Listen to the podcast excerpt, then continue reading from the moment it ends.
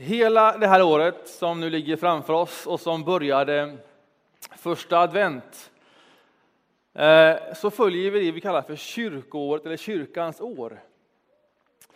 Och då finns det texter utvalda för varje söndag. En text från Gamla testamentet och en text från evangelierna och en text från breven.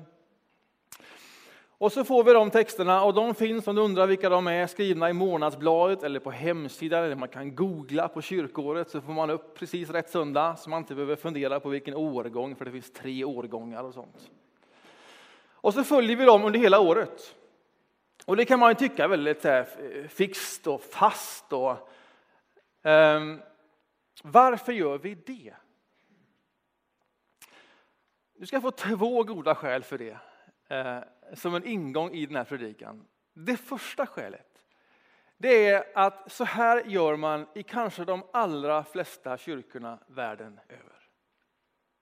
Och det är inte så dumt att få markera och göra det synligt på några olika sätt. Att den här lilla kyrkan i ett världsvitt perspektiv inte bara lever sitt eget liv utan är i sanning djupt förbundna med kyrkan med stort K.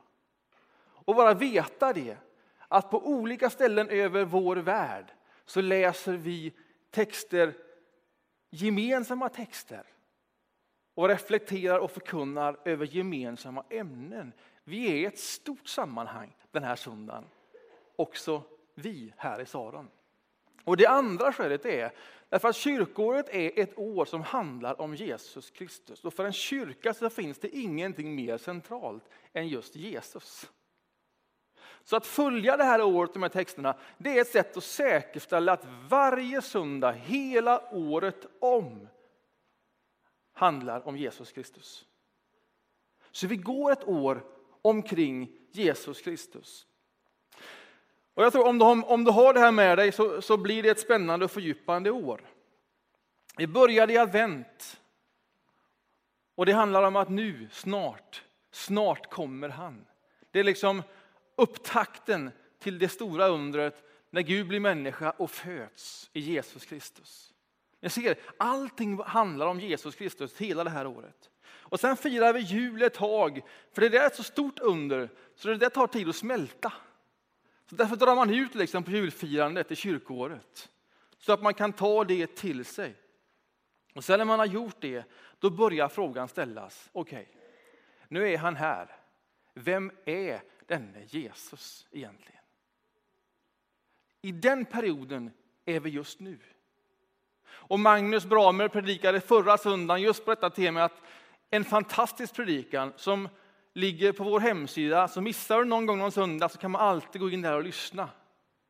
Som handlar om Jesu dop. När Jesus döps av Johannes döparen. Och om man följer Johannes och följer Jesus så avtäcks det någonting mycket märkligt och storslaget omkring Jesus. Han var ju inte den enda som döptes, det var många som döptes. När han döptes så öppnades hela himlen. Och det hördes en röst, Guds röst. Det här är min älskade son. Och så får vi genom Jesus veta någonting om hur Gud ser på människan Jesus och genom honom också på oss. Detta är min älskade son. Lyssna på honom och sen kommer anden ner.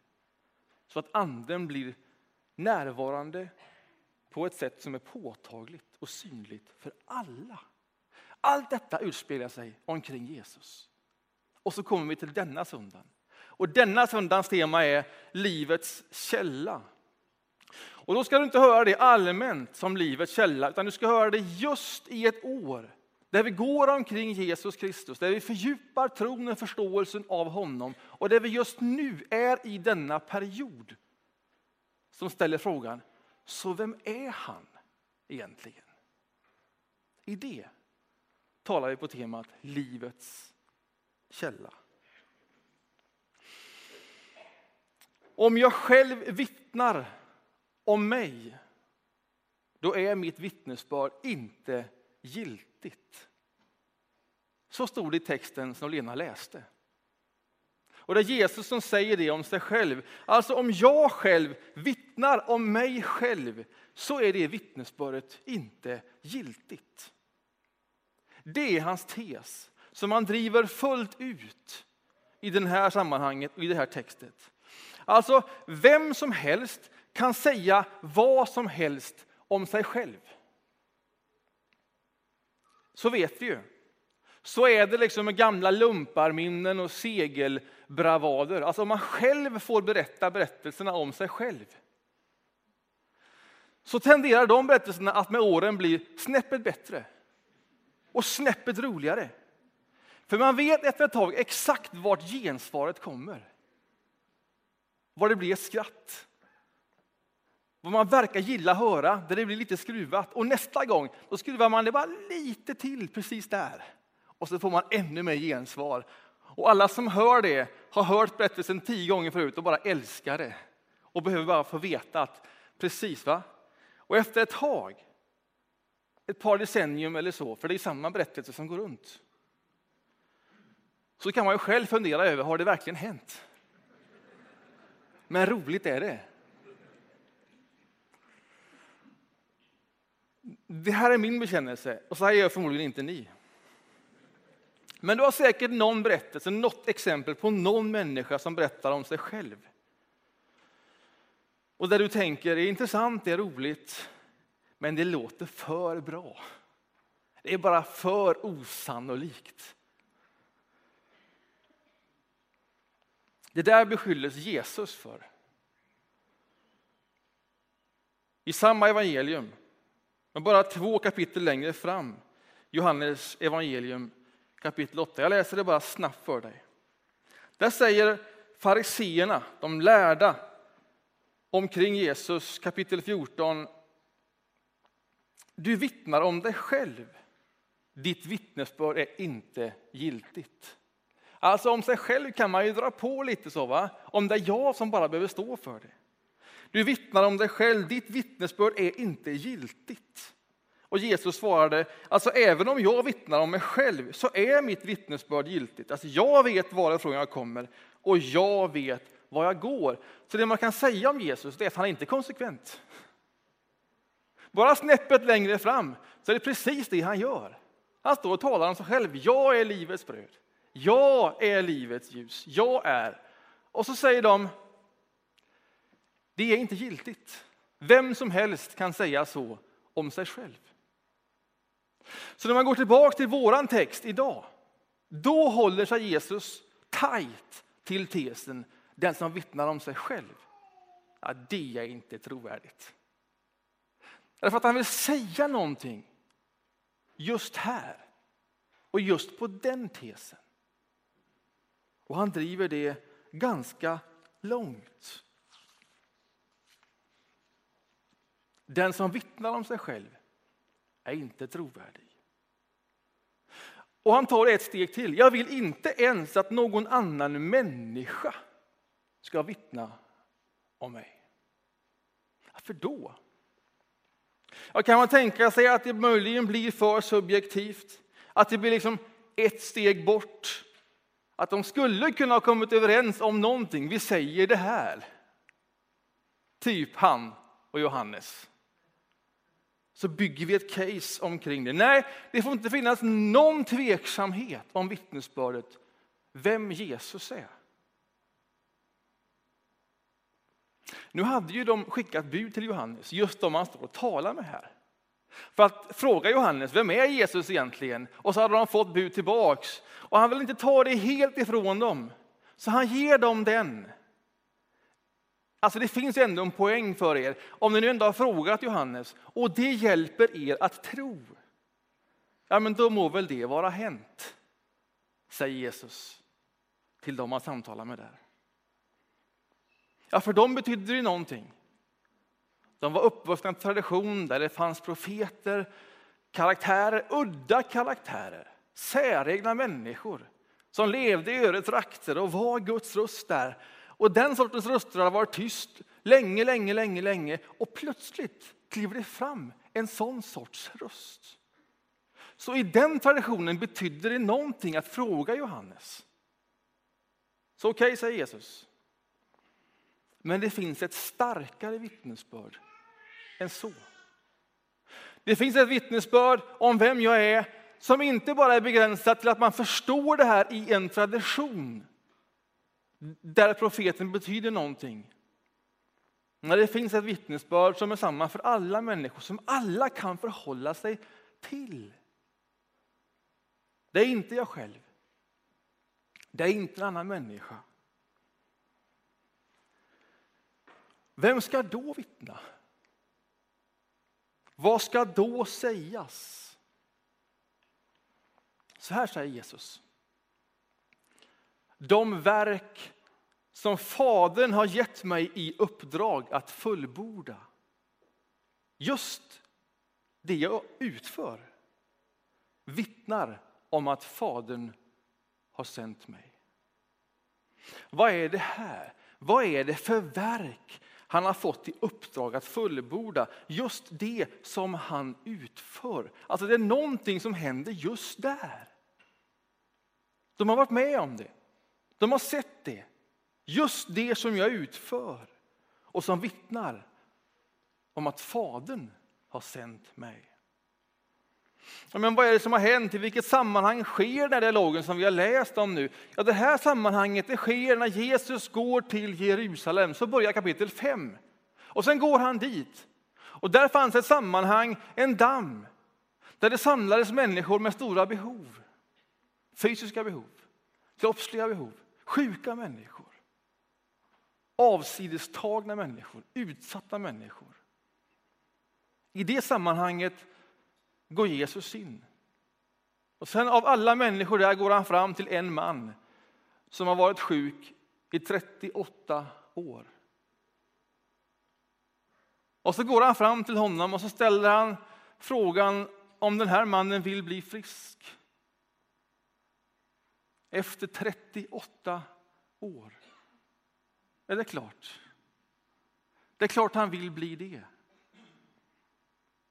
Och så säger Jesus till honom att han är frisk och ber honom ta sin bädd och gå. Och så gör han det. En kort berättelse. Och denna berättelsen är vad som triggar igång frågor om vem Jesus är. Som leder fram till den text som vi nu har läst. Att han går utanför naturliga lagar, gränser som alla har att hantera.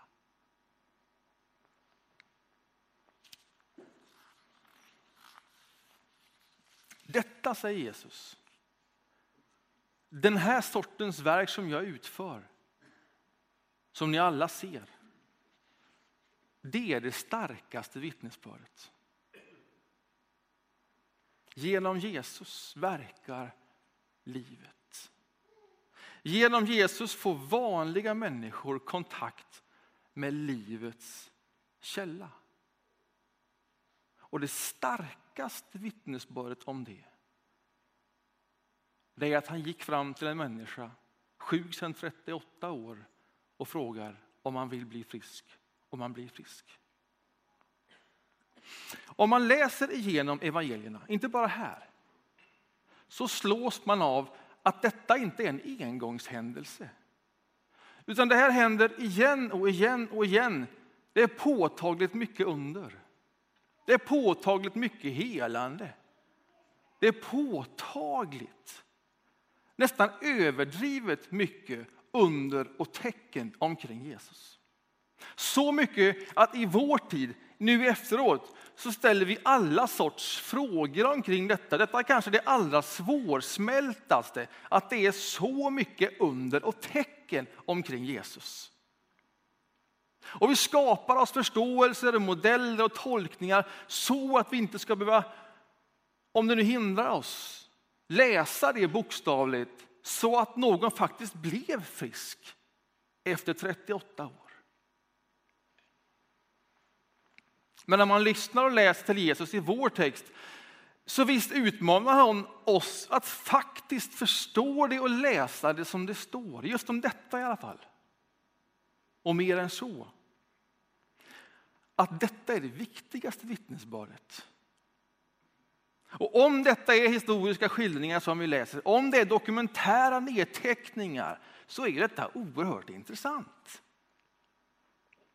Tänk er om det är så att livets källa, smaka på det ordet, livets källa. Du kommer inte djupare. Det blir inte mer substansfullt än så. Livets källa. Tänk om det är livets källa som verkar genom Jesus och att det genom honom blir möjligt att själv förbindas med inte något mindre än livets källa. Alltså hur kan man veta det? Det starkaste vittnesbördet på det, säger Jesus. Det är inte vad jag själv säger. Det är inte vad andra säger. Det är vad Gud verkar genom mig. Vill du bli frisk? Det är anspråken. Det är också därför som vi ber fortfarande i Jesu namn. Om allt som kan behöva ett helande. Om allt som är trasigt. Om alla sorters behov. Alla sorters behov. Och vi ber i Jesu namn i tro om att livets källa verkar genom honom. Och att vi genom honom i bön, när vi närmar oss just honom, förbinds med livets källa. Detta är alldeles oerhört. Alltså om det är så, hur ska man ens våga tro någonting sånt?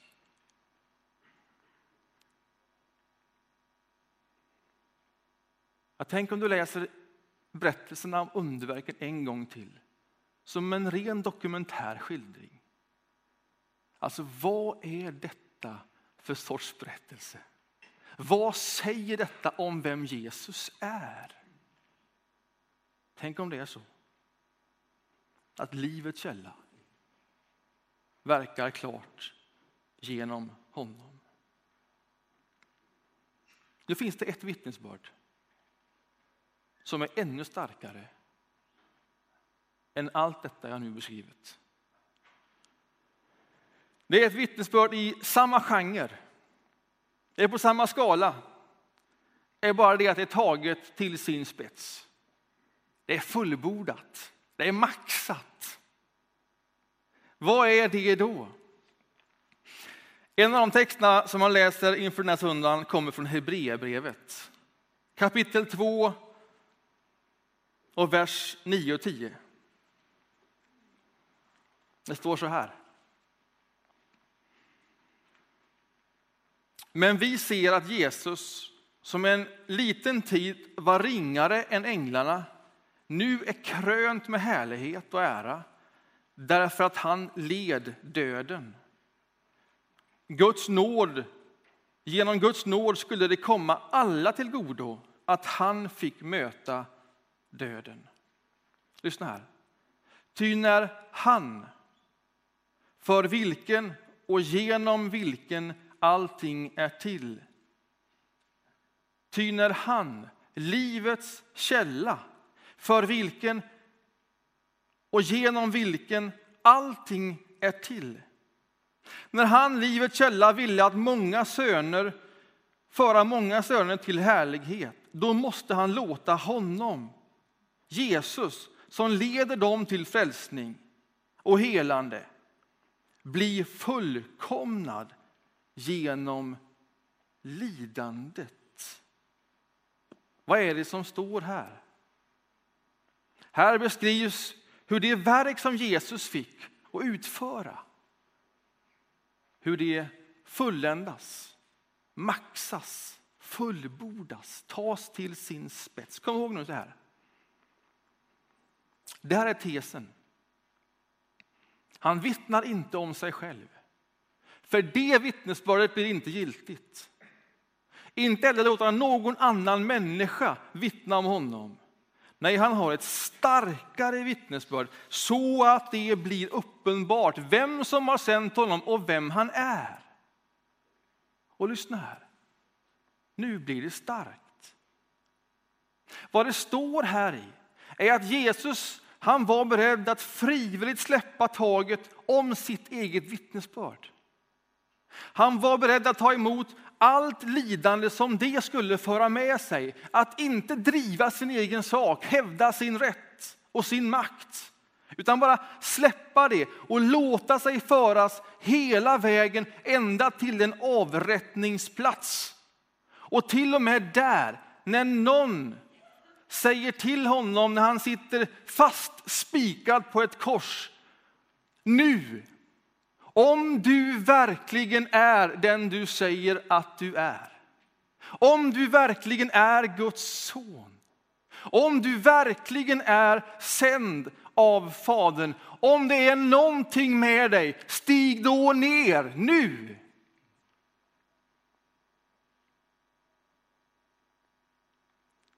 Och så gör han det inte. Varför då? Jo, därför att den som vittnar om sig själv gör det vittnesbördet ogiltigt. Historien skulle få se att det fanns ett starkare vittnesbörd än hans eget än någon annan människas. Faren själv. Han för vilken allting är till och genom, livets källa, skulle tala om vem han var.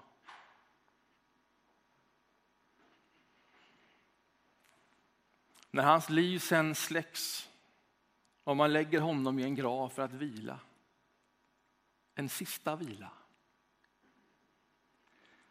Vet ni, då verkar livets källa i honom. Då sker det största av alla under. Och så lever han igen.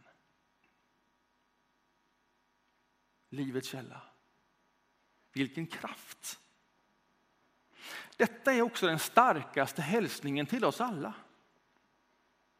Vänner, det är aldrig för sent. Det blir aldrig för sent, även om det ser så ut. Det är inte kört. Även om det är så vi får leva vår tid här. Även om det inte blir det vi hoppas, det vi ber om. Även om vi inte helas och läks så som vi ber i detta nu. För så är det ju också så verkar ändå genom Jesus Kristus livets källa i oss. Så att det är, som är trasigt kan bli helt. Det som är sjukt kan bli friskt. Ja, ytterst så att den som tror på honom aldrig ska dö.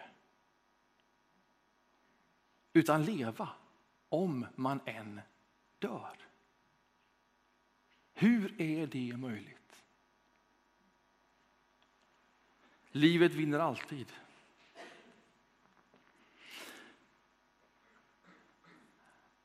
Det starkaste vittnesbördet om vem han är. Det är inte det han säger om sig själv eller andra. Utan det verk som han utför att den som var sjuk i 38 år blev frisk. Och ytterst när allt hopp var ute, när livet var släckt, att han ändå då blev levande igen. När vi tar emot bröd och vin strax i vår gudstjänst i tron om att de här symbolerna, brödet och vinet, handlar om Jesus Kristus och mer än så, att vi i tro kan ta emot Jesus genom de handlingarna, genom de symbolhandlingarna. Då händer ingenting mindre än att vi förbinds genom honom med livets källa. Så stort är det vi är med om varje söndag, varje gång vi delar bröd och vin. När vi sen ber i vår förbön här så är det ingenting mindre som händer än att vi i bönen i Jesu namn genom honom förbinds med livets källa och låter den verka i och genom vårt liv. Vänner, det blir inte mycket större än så. Och det händer hela tiden. Amen.